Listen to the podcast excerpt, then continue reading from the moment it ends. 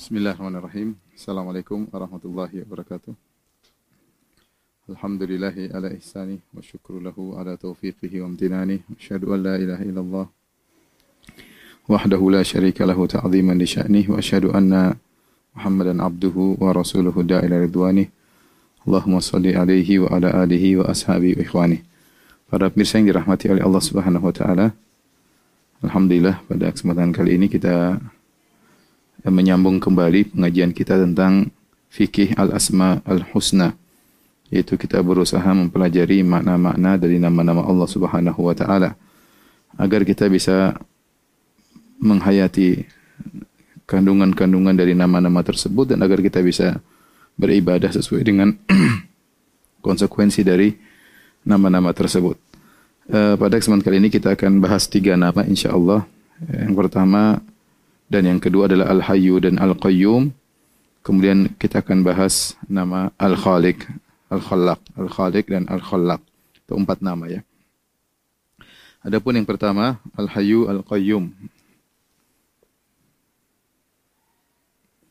Al-Hayyu Al-Qayyum ya.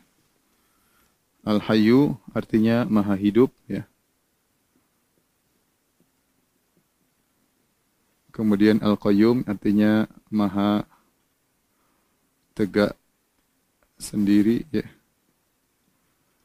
Sendiri dan uh, menegakkan atau mengurusi makhluknya.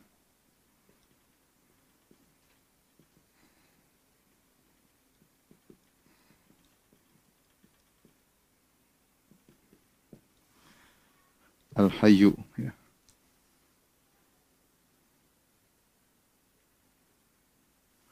Eh, kedua nama ini datang dalam beberapa ayat bergandengan ya. Kedua nama ini datang bergandengan dalam beberapa ayat. Di antaranya dalam ayatul kursi ya, dalam ayat kursi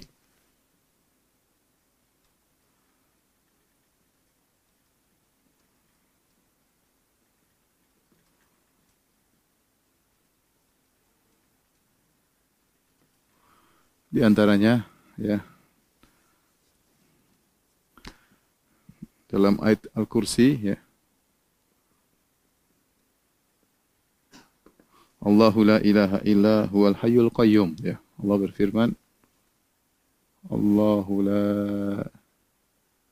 ilaha illa huwal hayyul al-qayyum. La ta'khudhuhu sinatu wa la naum. Dialah Allah Subhanahu wa taala tidak ada yang berhak disembah kecuali dia. Al-Hayyu Al-Qayyum yang maha hidup dan maha tegak. Kemudian juga uh, yang pertama, yang kedua di awal surat Ali Imran Ali Imran Alif Lam Mim Allahu la ilaha illa huwal hayyul qayyum sama. Ya, Allahu la ilaha illa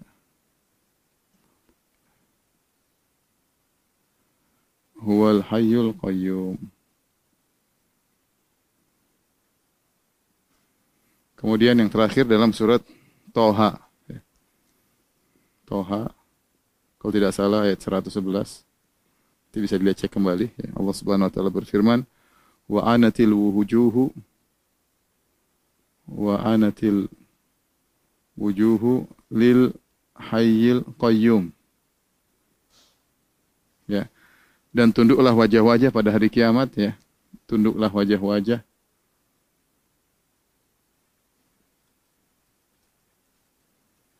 wajah-wajah kepada Allah Subhanahu wa taala yaitu pada hari kiamat. Pada hari kiamat. Di sini tiga nama ini datang bergandengan. Kemudian uh, Al-Hayyu sendiri datang sendirian ya Al-Hayyu datang bersendirian di antaranya uh, firman Allah Subhanahu wa taala ya.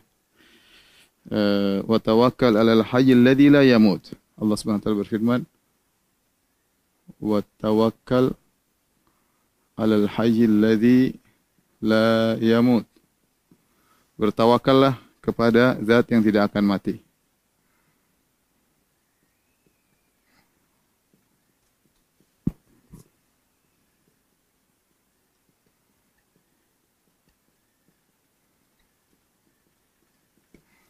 Ini eh, dalam surat Furqan 58 ya.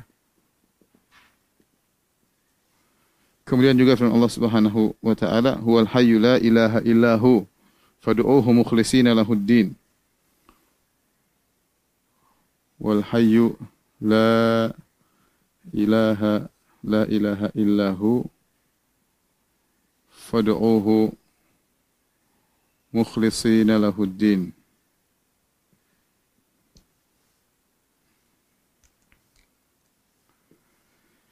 Dialah Allah yang tidak ada yang berhak disembah kecuali Dia.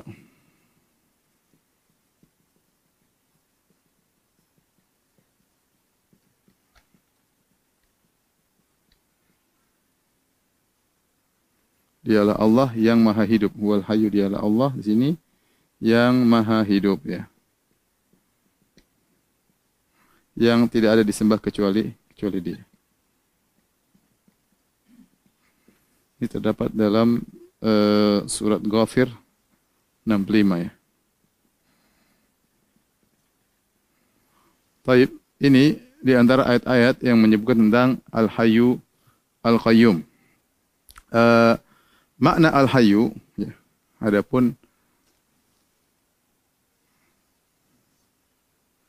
makna Al-Hayyu,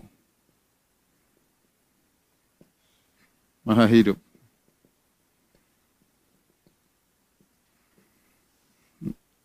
Maksudnya para ulama menjelaskan al-hayyu maksudnya Allah ya.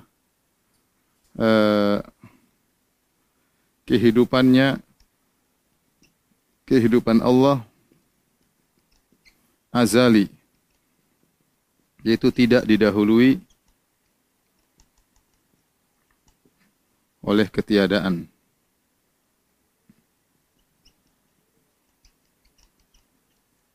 Adapun selain Allah seluruhnya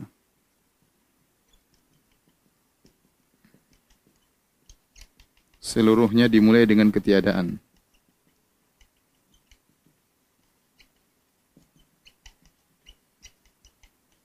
Ya. Wa qad khalaqtuka min qablu wa lam taku syai'a. Allah berkata kepada Zakaria, aku telah menciptakan engkau sebelumnya dan engkau sebelumnya ya bukanlah sesuatu. Dari tidak ada menjadi ada. Hal ata 'alal insani hinum minad dahri lam yakun syai'an madhkura. Ya, Allah menciptakan manusia dari sebelumnya tidak disebut, bukan hanya tidak ada bahkan tidak disebut-sebut. Yang pertama kehidupan Allah azali tidak dilihat ketiadaan. Kemudian yang kedua adalah kehidupan Allah kekal. Kekal, ya. Tidak diakhiri dengan kematian. Karena dia al-hayyu. Ya. Yang ketiga, kehidupan Allah sempurna. Kehidupan Allah sempurna. Dari sini Ibnu Qayyim rahimahullah menjelaskan hayat Allah itu al-hayatul kamilah, ya, al-hayat al-kamilah ya. Perhatikan beda dengan makhluk. Makhluk di luar tidak ada kemudian berujung dengan kematian. Adapun kehidupan Allah adalah kehidupan yang sempurna. Yang ini melazimkan kesempurnaan hidup Allah hidup Allah melazimkan Allah memiliki sifat-sifat lazimah atau zatiyah ya yang sempurna juga. Seperti apa? Seperti melihat ya. Mendengar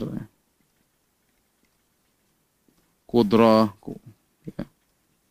Kemudian apa? Eh, eh, kudrah, kemudian ilmu ya ilmu dan lain-lain ya Saya ulangi.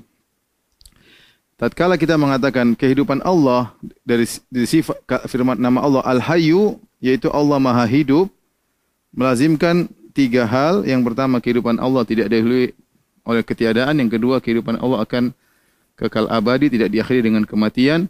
Yang ketiga adalah kehidupan Allah sempurna. Di sini kata Ibnu Qayyim rahimahullah taala karena kehidupan Allah sempurna, maka melazimkan sifat-sifat yang harus ada pada zat yang hidup yang sempurna. Kita misalnya manusia, Misalnya saya saya hidup, kalau saya hidup tapi saya enggak saya enggak punya kekuatan ya hidupnya enggak sempurna, sakit-sakitan, kemudian enggak kuat ya, kemudian enggak bisa melihat dengan baik, enggak bisa mendengar dengan baik, enggak bisa berpikir dengan baik, enggak punya ilmu. Kehidupan saya saya hidup tapi tidak sempurna dan itulah sifat kehidupan manusia, penuh dengan kekurangan. Karena manusia hidup tapi setengah hidup ya. Ada kehidupan manusia tapi pendengarnya terbatas, pendengarnya terbatas, mulai melemah, tidak kuat. Nah, dari sini kata Ibnu Qayyim rahimahullah, tatkala kita meyakini Allah al lahul hayatul kamilah, Allah memiliki kehidupan yang sempurna, maka dia melazimkan memiliki sifat-sifat dzatiyah yang juga semuanya sempurna. Sifat-sifat dzatiyah itu apa? Sifat-sifat yang berkaitan dengan zat Allah. Seperti uh, melihat, kemudian mendengar, ilmu, iradah, kemudian kudrah, kemampuan, ya ini semua sempurna dimiliki oleh Allah Subhanahu wa taala. Maka kesimpulannya ya, kesimpulannya kesimpulan kata Ibnu Qayyim rahimahullah taala semua sifat zatiyah. Sifat-sifat zatiyah Allah.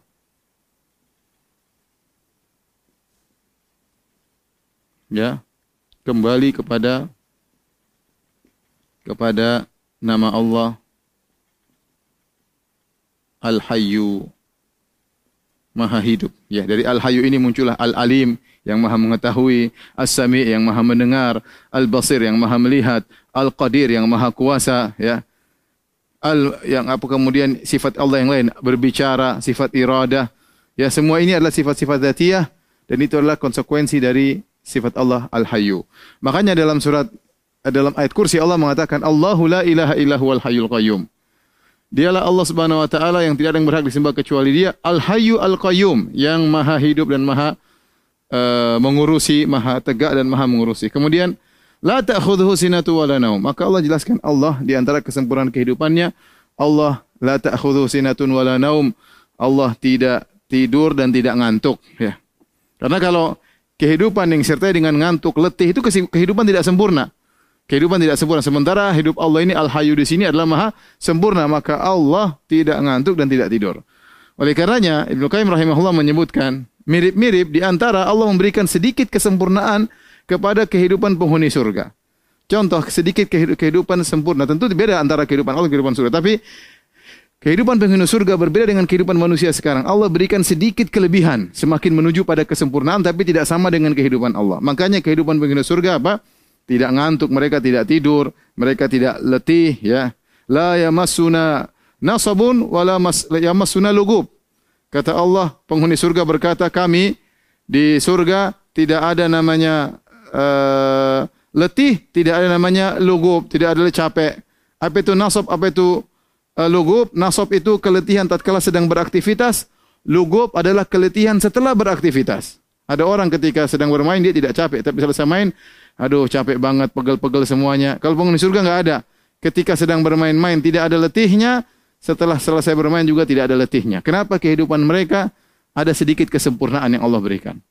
Ya, ini konsekuensi dari kehidupan yang sempurna. Contohnya lagi, uh, mereka tidak tidur. Waktu ditanya apakah penghuni surga tidur, kata Nabi SAW, tidak. Kenapa? Naum akhul maut. Tidur itu temannya kematian. Ya. ya temannya, uh, saudaranya kematian.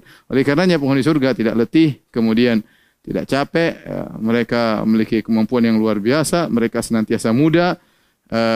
Apa kata Nabi wasallam inna dikatakan kepada penghuni surga kata Nabi alaihi wasallam innalakum antasihhu fala tasqumu abada kalian itu akan sehat selalu tidak pernah sakit wa an uh, tanamu fala tabasu abar kalian akan selalu bahagia tidak pernah uh, sedih kemudian wa antashubbu fala tahramu abada kalian akan senantiasa muda tidak pernah tua. Ini di antara uh, eh, kemudian wa an tasihu fala tasqamu abada. Kalian akan senantiasa sehat, tidak pernah sakit. Ya. Ini semua contoh kehidupan sempurna yang dimiliki oleh penghuni surga, ya. Apalagi kehidupan Allah Subhanahu wa taala lebih sempurna. Maka sifat al-hayyu ini memiliki kesempurnaan semua sifat-sifat dzatiyah. Sifat dzatiyah itu sifat yang berkaitan dengan diri Allah yang tidak pernah lepas dari diri Allah. Seperti zatnya ya seperti wajah, kemudian tangan Allah, kemudian eh, zat Allah sendiri, kemudian di antaranya ilmu Allah, pendengaran Allah, penglihatan Allah, eh, ilmu apa namanya? kudrah Allah. Maka ini semuanya kembali kepada nama Al-Hayyu, kembali kepada nama Al-Hayyu, ya. Taib.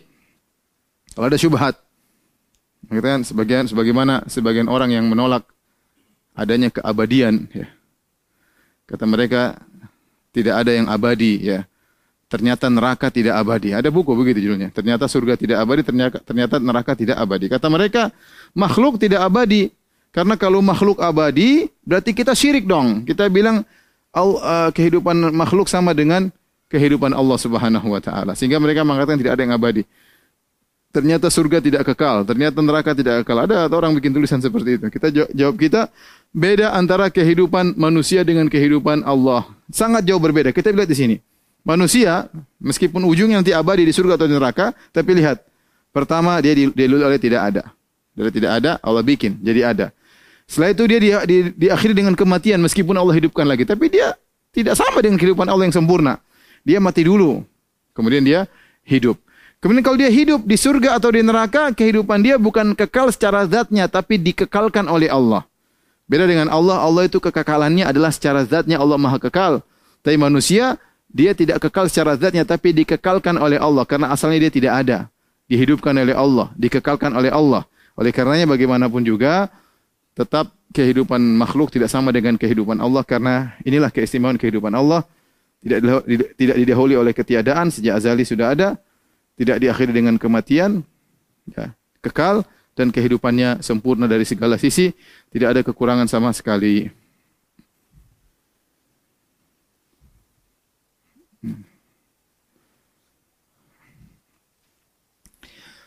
Baik. Uh, kita lanjutkan sifat kedua Al-Qayyum.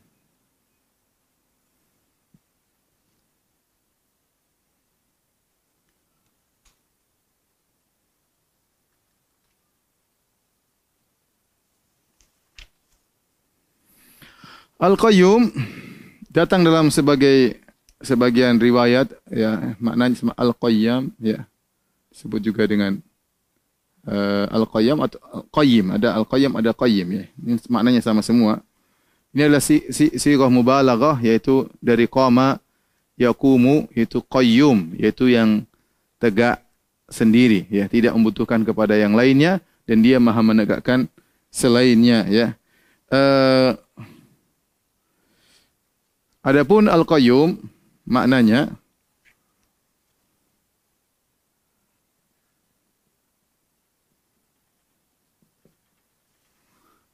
Ada beberapa makna, ya.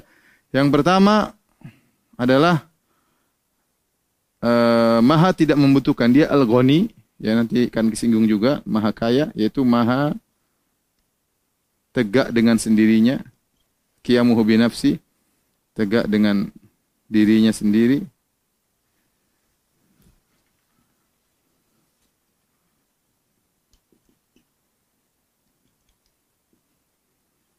Sendiri ya.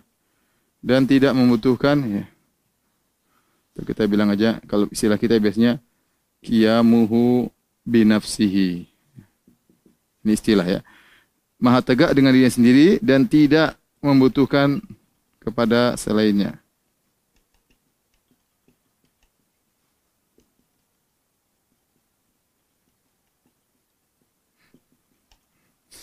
Kemudian yang kedua, makna kedua adalah kiamuhu uh, atau iya kiamuhu bi ghairihi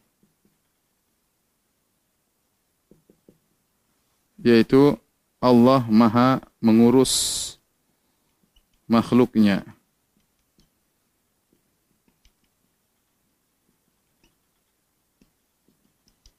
Allah Maha mengurus uh, makhluknya.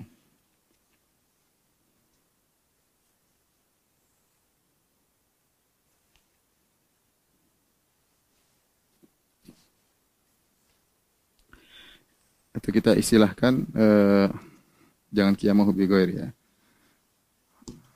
Uh, tadbiruhu li ghairi ya. Tadbiruhu li makhluqatihi. Itu Allah Maha mengurus makhluk-makhluknya ya. Uh, adapun Allah qiyamuhu bi nafsi itu Allah Maha kaya, tidak membutuhkan kepada yang lainnya ya. Allah dan yang lainnya seluruhnya membutuhkan kepada Allah, maka dalilnya terlalu banyak di antaranya Allah Subhanahu wa taala berfirman, "Ya ayuhan nas Ya ayuhan nas antumul fuqara ila Allah. Wallahu wal ghaniyul hamid." Wallahu huwal ghaniyul hamid. Artinya wahai manusia sekalian, kalian fakir seluruhnya kepada Allah. Kalian fakir kepada Allah. Fuqara fakir kepada Allah. Sementara Allah huwal ghaniyul hamid dan Allah maha kaya dan maha terpuji. Allah maha kaya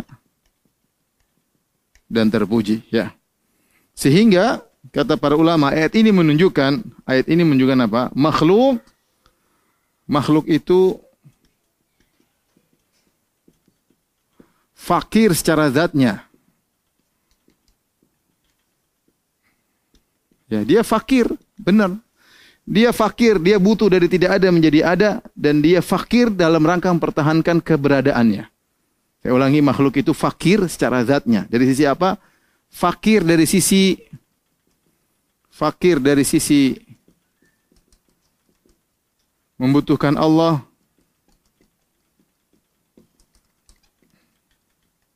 dari ketiadaan menjadi ada.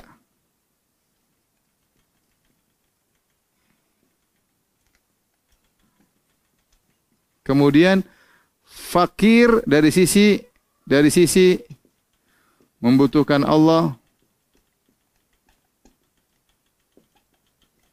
untuk mempertahankan mempertahankan keberadaannya, keberadaannya. Fakir. Adapun Allah maha kaya dari segala sisi. Manusia fakir dari segala sisi. Kita ini hidup dari tidak ada menjadi ada, hidup butuh Allah Subhanahu wa taala. Untuk bertahan kehidupan kita, kita di atas muka bumi butuh udara dari Allah Subhanahu wa taala, di tumbuh-tumbuhan Allah yang ciptakan, makhluk Allah yang ciptakan, semuanya. Ya, jadi kita fakir dari segala sisi ya. Ya, ada sedikit uh, Allah kasih bencana kita sudah nggak bisa apa-apa. Menunjukkan kita ini fakir. Maka Allah ingatkan ya ayuhan antumul fuqara ilallah ya. Allah yang maha mengurus. Dan terlalu banyak dalil-dalil Allah mengurus alam semesta ini. Ya, makhluk-makhluknya Allah urus. Seperti firman Allah Subhanahu wa taala, Afaman huwa qaimun ala kulli nafsin bima kasabat. Dalil-dalil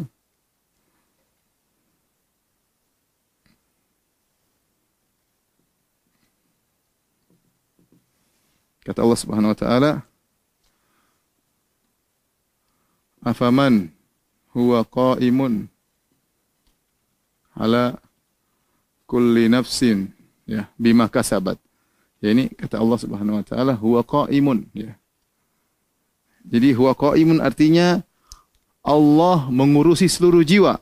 Allah qaimun yang mengurusi, mengurusi seluruh jiwa. Allah mengurusi semua manusia. Jiwa mau jiwa manusia, mau jiwa hewan, semuanya diurusi oleh Allah Subhanahu Tidak ada satupun makhluk yang tidak diurusi oleh Allah Subhanahu wa taala. Ya, manusia, jangan karena manusia hewan pun diurus, jangan kan hewan benda mati pun Allah urusi. Gunung Allah tidak urusi, Allah yang urus awan apa siapa yang ngurusin? Allah yang ngurus ya. Semuanya. Ya, kalau makhluk hidup saja Allah ngurusin apalagi uh, manusia ya. Firman Allah Subhanahu wa taala di antaranya Inna Allah yumsikus samawati wal ardi yumsikus samawati wal arda alla tazula.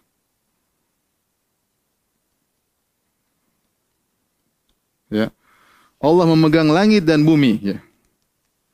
Allah sungguh memegang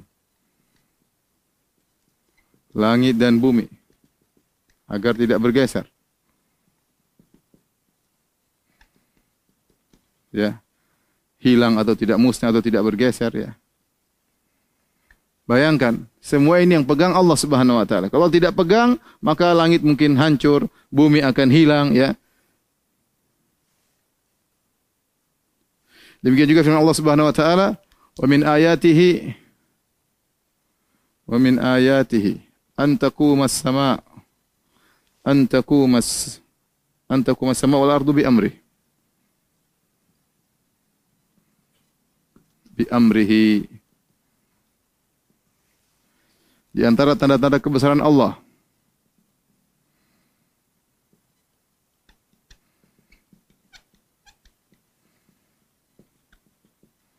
adalah tegaknya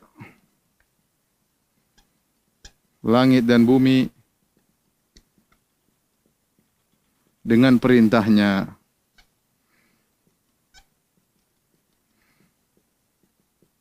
Ini semua dalil bahwasanya Allah Subhanahu wa taala mengurusi manusia, eh, mengurusi alam semesta ya karena dia adalah Al-Qayyum, karena dia adalah Al-Qayyum. Dari sini Ibnu Al-Qayyim menyimpulkan, perhatikan sini, karena Al-Qayyum maknanya adalah Allah Maha Kaya tidak membutuhkan makhluknya, Allah tidak butuh kepada ibadah mereka, Allah tidak butuh kepada syukur mereka. Wa may yashkur fa inna may yashkuru li nafsi, barang siapa bersyukur dia bersyukur untuk dirinya sendiri. Ya, seandainya law anna awwalakum wa akhirakum wa insakum wa jinnakum kanu ala atqa qalbi rajulin wahidin minkum ma zada fi mulki syai'a. Kata Allah hamba-hambaku kalau kalian dari awal sampai akhir Nabi Adam sampai hari kiamat orang-orang manusia seluruhnya dikumpulkan, jin dan manusia semua hatinya seperti orang yang paling bertakwa, semuanya hatinya seperti Muhammad sallallahu alaihi wasallam. Semua ada jin ibadah, maka tidak akan menambah kekuasaanku sama sekali. Allah Maha Kaya. Barang siapa bersyukur untuk dirinya sendiri. Wa man kafara fa inna rabbi ghaniyyun karim. Ya. Kalau siapa yang kufur Allah Maha Kaya, Allah tidak jadi masalah ya. Nah, perhatikan di sini ketika makna Al-Qayyum adalah Maha mengurusi makhluk-makhluknya. Ya, ini tadi makna satu. Ini makna dua, Al-Qayyum. Al-Qayyum itu adalah Allah tegak tidak butuh yang lain dan dia Maha mengurusi yang lainnya. Maka kata Ibnu Qayyim rahimahullahu taala uh, melazimkan Maha mengurusi makhluknya sifat maha mengurusi makhluknya.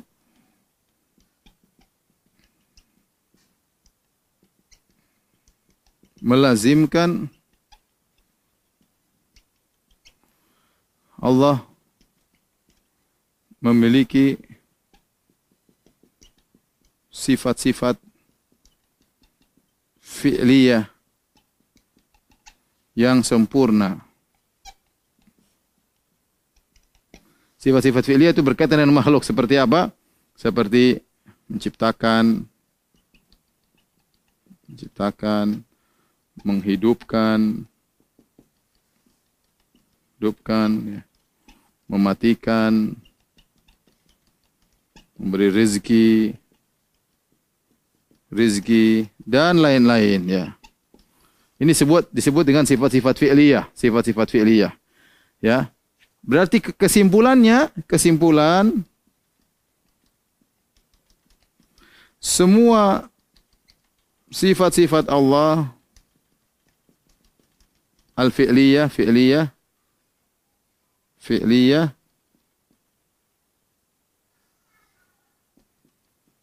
fi'liyah yaitu yang berkaitan dengan makhluk pengaturan makhluk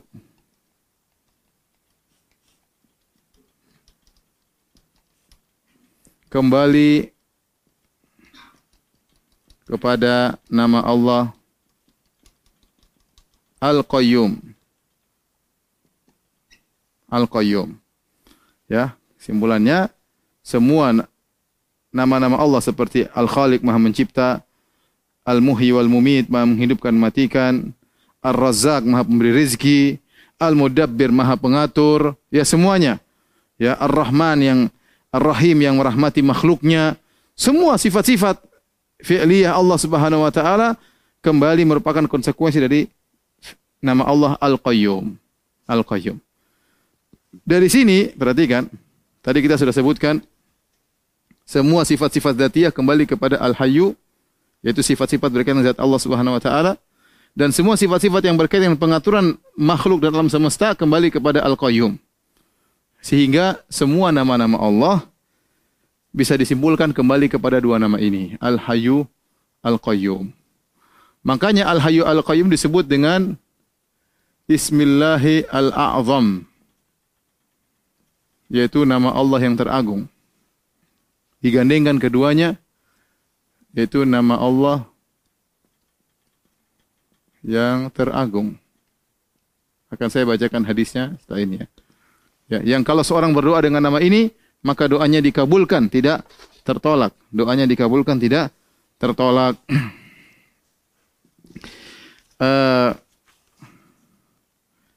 dalam Sunan dan juga dalam Sahih Ibn Hibban dari hadis Anas bin Malik radhiyallahu anhu anna rajulan da'a ada seorang laki berdoa faqala kemudian dalam doanya dia berkata ini as'aluka bi anna lakal hamda. Ya Allah aku mohon kepada engkau bahwasanya segala pujian adalah milikmu. La ilaha illa anta al-mannan. Tidak ada yang berhak disembah kecuali engkau al-mannan yaitu maha pemberi anugerah. Badi'us samawati wal ard. Ini dia muji Allah dan biasa berdoa disunahkan muji Allah. Badi'us samawati wal ard pencipta langit dan bumi. Ya dzal jalali wal ikram wahai pemilik kemuliaan wal ikram dan pemuliaan. Ya hayyu ya qayyum. Dia berdoa Ya Hayyu, Ya Qayyum, wahai yang maha hidup, wahai Al-Qayyum, yaitu yang maha mengurusi makhluk-makhluknya. Maka Nabi mengomentari doanya tersebut, Nabi berkata, Laqad da'a Allah bismihil a'zam. Sungguh lelaki ini telah berdoa kepada Allah dengan nama Allah yang teragung. Alladhi idha du'ya bihi ajab. Yang jika Allah didoa didoain di, orang berdoa kepada Allah dengan nama tersebut maka Allah akan kabulkan doanya. Wa idza su'ila bihi a'ta. Kalau Allah dimintai dengan menyebut namanya tadi Hayyu Ya Qayyum, maka Allah akan kabulkan. Ini karenanya di antara kalau kita berdoa, kita muji Allah di antara kita berkata Ya Hayyu Ya Qayyum, ya. Oleh karenanya, kenapa Nabi ketika berdoa Nabi berkata, Ya Hayyu Ya Qayyum, birahmatika astaghith, fa aslih li sya'ni kullah, wa la takilni ila nafsi tarfata ain. Yang artinya, Ya Hayyu Ya Qayyum, wahai yang maha hidup, wahai yang maha mengurusi makhluknya itu yang maha sempurna dari sifat zatiyah wahai yang maha sempurna dari sifat fi'liyah. Karena hayu al hayu tadi saya katakan merangkum seluruh sifat-sifat zatiyah Allah. Al qayyum merangkum seluruh sifat-sifat fi'liyah. Seakan-akan Nabi mengatakan wahai zat ya Allah zat yang maha hidup yang seluruh sifat-sifat zatiyah sempurna ada padamu wahai al qayyum yang maha mengurusi makhluknya yang seluruh sifat-sifat fi'liyah sempurna ada pada dirimu bi rahmatika astaghith dengan rahmatmu aku mohon pertolongan kepada engkau ya Fa'asli fa'asli li fa'asli sya'ni kullah. Ya, maka perbaikilah segala, segala urusanku. Wala takilni ila nafsi tarfata dan jangan biarkan aku uh, jangan kau biarkan aku berserah diri kepada diriku sedikit pun. Kemudian juga dalam hadis yang lain diriwayatkan oleh Tirmizi dalam jami'nya dalam Sunan Tirmizi dari hadis Anas bin Malik juga qala beliau berkata kana Nabi sallallahu alaihi wasallam idza karabahu amrun. Adalah Nabi sallallahu alaihi wasallam kalau menghadapi perkara yang uh, menggelisahkan beliau atau perkara yang membuat dia ber, apa gelisah atau uh, bikin beliau berpikir ya suatu perkara yang penting kairabah itu perkara perkara yang penting Qala maka Nabi berkata ya hayu ya qayyum bi rahmatika astaghits ini doa Nabi ya hayu ya qayyum bi rahmatika astaghits inilah dua nama yang disebut oleh para ulama atau disebut oleh Nabi sallallahu alaihi wasallam dengan Ismullahil A'zam nama Allah yang teragung. Maka seorang berusaha ketika berdoa kepada Allah menyebutkan dua nama ini. Oleh karenanya ketika hari kiamat kelak, ya Allah sebutkan wa anatil wujuhu lil hayyil qayyum. Maka wajah-wajah semua tertunduk pada hari kiamat kepada Al Hayyul Qayyum yang Maha hidup dan Maha mengurusi makhluknya. Ya, wa qad khaba man hamala zulma. Sungguh merugi orang yang memikul kezaliman pada hari kiamat kelak. Ya, jadi Allah Maha mengurus hamba-hambanya makhluknya di dunia terlebih lagi di akhirat kelak. Inilah Al-Hayyu Al-Qayyum. Tapi kita lanjutkan dengan nama berikutnya Al-Khaliq dan Al-Khallaq. Insyaallah tidak panjang ya. Tolong dihapus. Sudah difoto?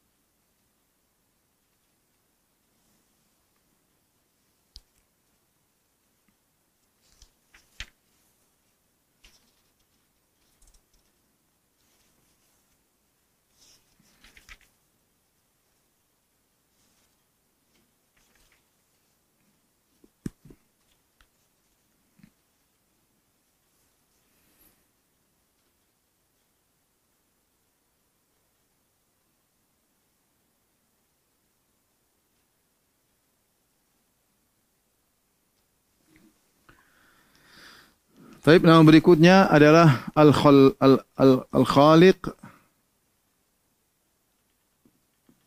atau al-khallaq. Ya. Al-khallaq. Ya. Jadi al-hayyu al-qayyum uh, banyak orang-orang Arab namanya Abdul Hayy. Abdul Hayy. Ya. Demikian juga saya punya guru namanya Abdul Qayyum. Ya guru dulu di kelas namanya Abdul Qayyum As-Suhaibani. Ya, Abdul Qayyum yang punya uh, beberapa buku yang di antaranya Ta'zimus Sunnah yang sering dibacakan oleh para ustadz ketika awal-awal pengajian. Ya, kemudian juga Al-Luma Firat ala Muhassinil Bid'ah, bantahan terhadap orang-orang yang memandang adanya bid'ah hasanah. Penulisnya namanya Abdul Qayyum ya, Abdul Qayyum. Hafizahullah taala. Al-Khaliq Al-Khallaq. Al-Khaliq artinya Maha Pencipta,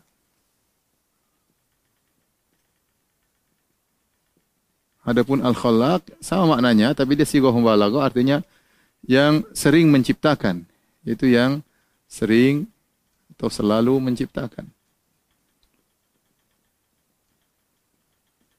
Artinya setelah menciptakan yang satu, menciptakan yang lain. Setelah menciptakan yang satu, lalu menciptakan yang lain. Tidak ada yang berjalan di alam semesta ini kecuali semuanya ciptaan Allah Subhanahu wa taala. Ya. Al-Khaliq Maha Pencipta, Al-Khalaq yang selalu menciptakan. Ya. Tidak ada sesuatu pun yang terjadi ya berlaku di alam semesta ini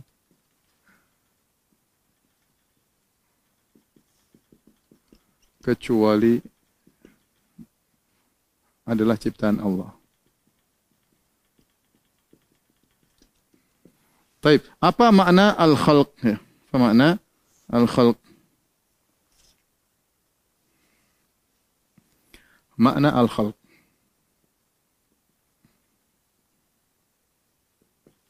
Al-khaliq fiilnya adalah al-khalq ya. Uh, Allah menyebut beberapa makna di antaranya ada beberapa makna Ya antaranya adalah uh, menciptakan sesuatu dari tidak ada menjadi ada ya. Mengadakan sesuatu dari tidak ada menjadi ada. Ijadu syai' ya. Eh, ba'da adamihi ya, menciptakan atau mengadakan sesuatu dari tidak ada menjadi ada.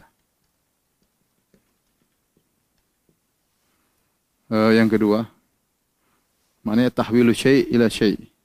Ini yang pertama adalah ijadu. Ijadu syai'in atau ibda'uhu min adam ilal wujud ya. Adapun uh, adapun yang kedua adalah tahwilu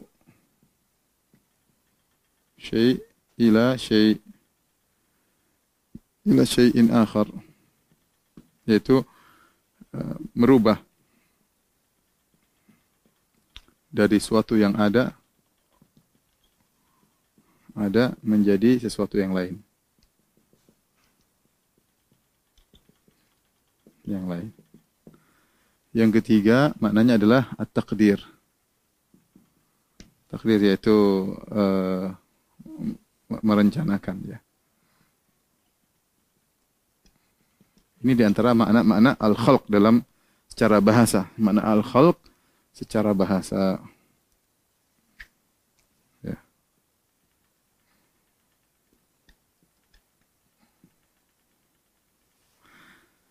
Contoh yang mana yang sering kita pahami adalah al-khaliq masih ini mengadakan suatu dari tidak ada menjadi ada. Ya, seperti firman Allah banyak. Allah berfirman, Allahu khaliqu kulli syai' وهو على كل شيء وكيل.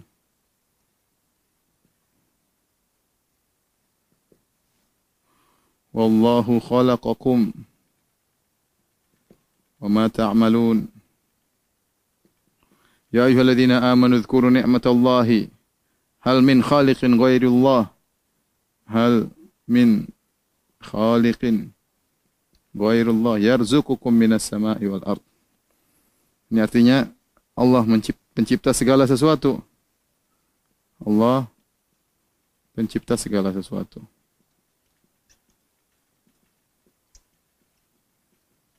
Contohnya Allah menciptakan kalian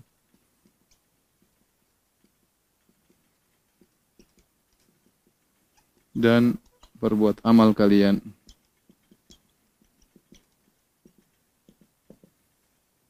Contohnya, apakah ada ada pencipta selain Allah yang memberi rizki kepada kalian? Ya, ini contoh banyak dalam Al-Quran. Khalik atau khalq maknanya adalah menciptakan dari suatu menjadi dari tidak ada menjadi ada. Adapun makna khalq merubah suatu menjadi dari suatu menjadi suatu yang lain seperti perkataan Nabi Isa, contoh perkataan Nabi Isa dalam Al-Qur'an uh, anni akhluqu lakum anni akhluqu lakum min at-tini kahayati at-tayr fa anfukhu fihi fayakunu tayran biidznillah. Nabi Isa berkata, Isa alaihissalam berkata, aku ya akhluku berarti akhluku berarti ini akhluku artinya aku merubah ya aku merubah untuk kalian dari tin, tanah liat, ya. Tanah yang basah menjadi seperti bentuk burung. Ya. Fa'anfukhu fihi kalau kalau tiupkan kemudian fayakunu tayran biiznillah kemudian terbang ya. Tapi di sini bukan Nabi Isa menciptakan karena burung tersebut bukan Nabi Isa yang menciptakan tapi Nabi Isa rubah dari tanah kemudian menjadi uh, menjadi burung.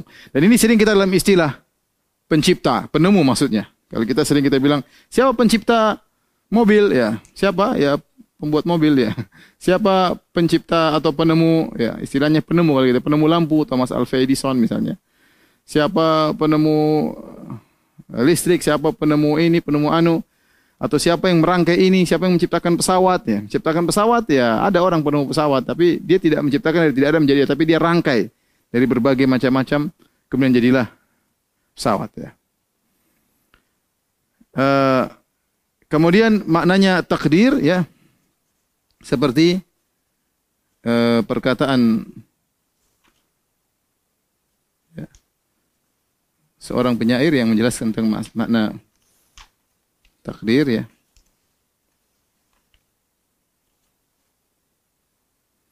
Yang maknanya eh, wa anta anta takhluqu ya, wa anta tafri ma khalaqta wa ba'dul qaum yakhluqu Sumala yafri. Artinya, ya, kalau bahasa ini syair dalam bahasa Arab, artinya engkau engkau mengeksekusi apa yang kau rencanakan, apa yang kau rencanakan. Sementara sebagian sebagian kaum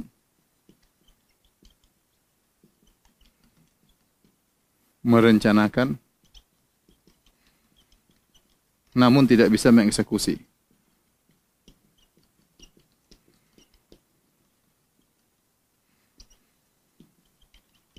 Sini maksudnya secara bahasa Arab di sini wa anta tafri ma khalaqta di sini khalaqta maknanya adalah rencanakan adalah rencanakan.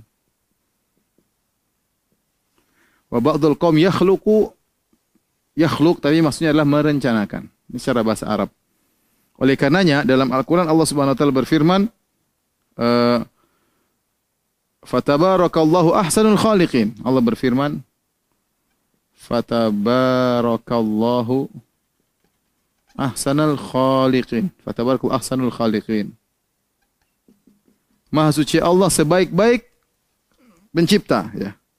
Artinya maha suci Allah sebaik-baik khaliqin maksudnya apa? Perencana ya, perencana.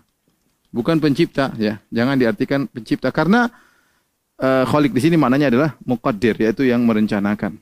Atau bisa jadi maknanya yang merubah satu merubah yang lain. Karena pencipta cuma satu. Kalau kita artikan maknanya dari satu yang tidak ada menjadi ada, maka hanya Allah yang mencipta, tidak ada yang yang lainnya ya. Ini di antara makna-makna uh, al-khalq. Yang dimaksud di sini adalah uh, tiga-tiganya kembali kepada al-khaliq, namun yang sering orang fokus adalah ini, menciptakan sesuatu dari tidak ada menjadi ada. Allah Maha dalam tiga hal ini. Allah Maha dalam tiga hal ini. Ya. Maha dari menciptakan sesuatu tidak ada menjadi ada, maha dalam merubah proses ya dari air mani kemudian Allah yang menciptakan dari tidak ada dari manusia dari tidak ada kemudian dia bisa membuah membuahi istrinya dengan air maninya dari perubahan air mani menjadi nutfah nutfah menjadi ini menjadi ini saya menjadi tulang dan seterusnya jadi manusia itu juga Allah maha dalam hal tersebut dan kemudian Allah juga maha dalam mentakdir maha dalam perencanaan tidak ada perencanaan Allah yang meleset semuanya tepat dan Allah maha mengeksekusi apa yang dia rencanakan. Jadi Allah Maha Al-Khaliq atau Al-Khalaq kembali kepada tiga uh, makna ini. Oleh karenanya ya tidak ada yang bisa menciptakan seperti Allah. Di sini Allah mengatakan, "Hal min khaliqin ghairullah yakhluqukum ya, yarzuqukum minas sama." Apakah ada pencipta selain Allah? Allah mengatakan dalam surat Al-Hajj ya, Ya ayuhan ya ayuhan nasu duriba mathalun fastami'u Wahai manusia sekalian dibuat perumpamaan maka dengarkanlah. Innal ladzina tad'una min dunihi la yakhluquna la, la yakhluqu dzubaban wal dalam akhir-akhir surat Al-Hajj kata Allah wahai manusia dibuat perumpamaan pada kalian. Sungguhnya yang kalian ibadahi selain Allah tidak mampu menciptakan meskipun seekor lalat. Ya Allah sebutkan seekor lalat yaitu makhluk yang hina. Tapi seandainya seluruh sesembahan selain Allah diciptakan um, berkumpul bersatu padu untuk menciptakan lalat mereka tidak bakalan mampu kata Allah dhaufat wal matlub lemah yang menyembah dan lemah yang disembah ya. Allah mengajak kita berpikir ya. Ayusyrikuna ma la yakhluqu ma la ayusyrikuna ma la yakhluqu syai'an wa hum yukhlaqun? Kata Allah, apakah mereka berbuat kesyirikan kepada Allah dengan suatu yang tidak mencipta bahkan diciptakan? Allah ngajak berpikir ya. Karena kalau kita mengakui Allah Maha mencipta, harusnya yang kita sembah cuma Allah Subhanahu wa taala. Bagaimana kita mau menyembah suatu yang tidak menciptakan? Kata Allah Subhanahu wa taala, ayushrikuna ma la yakhluqu syai'an wa hum yukhlaqun ini ayat paling apa namanya membantah kesyirikan artinya apakah kalian apakah mereka apakah mereka mensekutukan Allah dengan yang tidak bisa mencipta. Tidak mencipta apa pun. Bahkan diciptakan. Perhatikan di sini, ya akhi, ya. Ini bantahan paling telah kata Allah. Apakah mereka mensekutukan Allah dengan suatu yang tidak mencipta apa pun? Seandainya dia pun mencipta, Tetap yang disembah Allah. Seandainya dia mencipta. Seandainya Nabi Isa bisa mencipta, tetap kita menyembah Allah. Ini ciptaannya sedikit. Seandainya malaikat, seandainya mayat-mayat yang disembah, di, diibadahi, didoain oleh orang-orang, orang berdoa kepada mayat tersebut bisa mencipta, itu pun tidak berhak kita sembah. Kenapa ciptanya sedikit? Apa yang bisa diciptakan? Ya. Seandainya jin-jin bisa mencipta, pun tidak kita sembah karena di keciptaannya cuma sedikit dibandingkan dengan ciptaan Allah yang luar biasa. Apalagi mereka tidak menciptakan sedikit pun. Perhatikan. Ayusyrikuna ma la yakhluqu syai'an. Apakah ya ini ini syai'an ini nakirah yufidul umum ya. Ini nakirah kalau dalam usul fikih memberikan faedah kuman. Kalau kita artikan apakah mereka mensekutukan Allah dengan yang tidak menciptakan apa pun, tidak ada yang bisa mereka ciptakan. Mereka tidak bisa menciptakan hewan, mereka tidak bisa menciptakan tumbuhan. Kata Allah dalam hadis qudsi kata Allah, "Falyakhluqu dzarratan awil yakhluqu habbatan awil yakhluqu syairatan." Coba mereka ciptakan semut, mereka enggak bisa. Coba mereka suruh ciptakan habatan biji, coba biji diciptakan ditanam tumbuh enggak bisa. Syairatan gandum enggak bisa. Mereka tidak bisa ciptakan apa pun. Jangankan ciptakan manusia, hewan aja enggak bisa. Jangankan hewan yang bagus, hewan yang buruk. Lalat, semut mereka nggak bisa. Hewan kecil nggak bisa. Lagi suruh ciptakan corona nggak bisa. Ya. Siapa ciptakan semua? Nggak ada yang ciptakan kecuali Allah Subhanahu Wa Taala. Tidak ada yang bisa ciptakan makhluk apa pun. Apa pun tidak bisa mereka ciptakan. Jangankan makhluk hidup, jangankan hewan, tumbuhan nggak bisa, biji-bijian nggak bisa. Terus kenapa mereka disembah? Maka suatu hal yang aneh jika orang meyakini Allah Maha Pencipta kemudian mereka menyembah menggantungkan hati-hati mereka kepada uh, makhluk-makhluk uh, yang seperti mereka bahkan terkadang lebih hina daripada mereka. Jadi inilah uh, sifat Allah Al-Khaliq yaitu Allah Maha Pencipta ya atau Al-Khalaq yang Allah sering menciptakan segala sesuatu ya. Nah, ada penyimpangan terakhir kita singgung sedikit. Ini sudah kita bahas di masalah takdir. Tapi dapat kita singgung aja sebagai pelengkap ya. Uh, akidah Mu'tazilah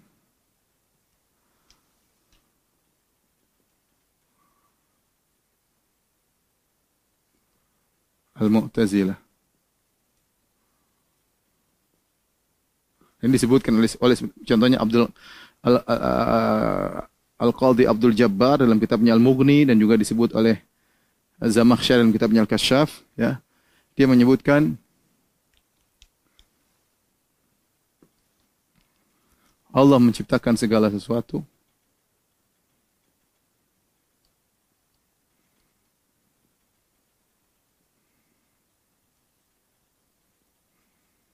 Kecuali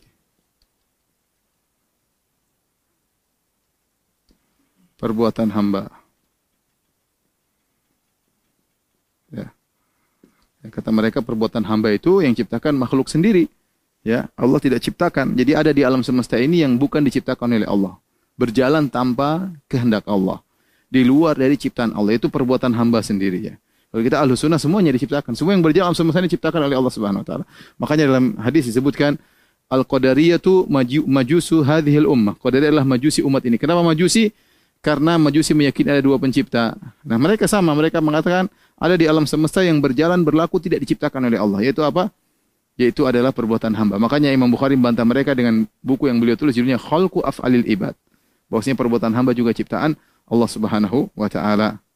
Hamba yang melakukan tapi hambanya dan perbuatannya diciptakan oleh Allah Subhanahu wa taala ya. Saya ulangi, hamba yang melakukan, hamba yang disifati misalnya seorang uh, atau seorang mencuri. Ya, yang mencuri ya hamba itu, dia yang melakukan pencurian, tetapi dirinya dan perbuatannya ciptaan Allah Subhanahu wa taala. Ini bahasanya panjang sudah kita bahas dalam masalah takdir. Uh, tidak, tidak tidak akan kita ulang kembali. Tapi ini antara penyimpangan berkaitan dengan masalah uh, nama Allah Al-Khaliq dan Al-Khallaq ya. Taib. Bolehkah uh, seorang dinamakan dengan uh, Al-Khaliq? Ya?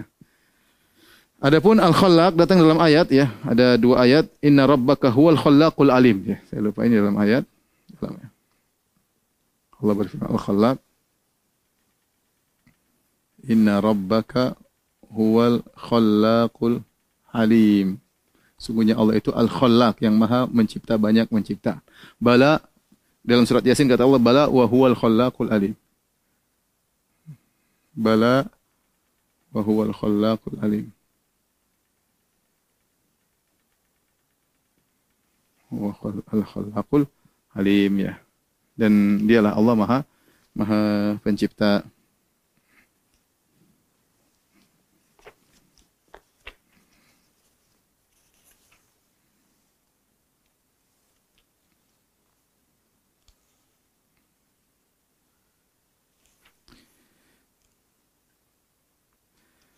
Taib, ini saja yang bisa sampaikan pada kesempatan kali ini. Ya, InsyaAllah kita lanjutkan pada kesempatan yang lain. Masih banyak nama-nama Allah. Malam ini Alhamdulillah kita sebutkan empat nama Allah. Yaitu Al-Hayyu Al-Qayyum dan Al-Khaliq dan Al-Khallaq. Ya. Semoga bermanfaat. Semoga majelis kita ini menambah keimanan kita dan menjadi sebab diampuni dosa-dosa kita. Subhanakallah bihamdik asyhadu an la ilaha illa anta astaghfiruka Assalamualaikum warahmatullahi wabarakatuh. Ayo, segera download Quran Tadabbur, tafsir dalam genggaman Anda.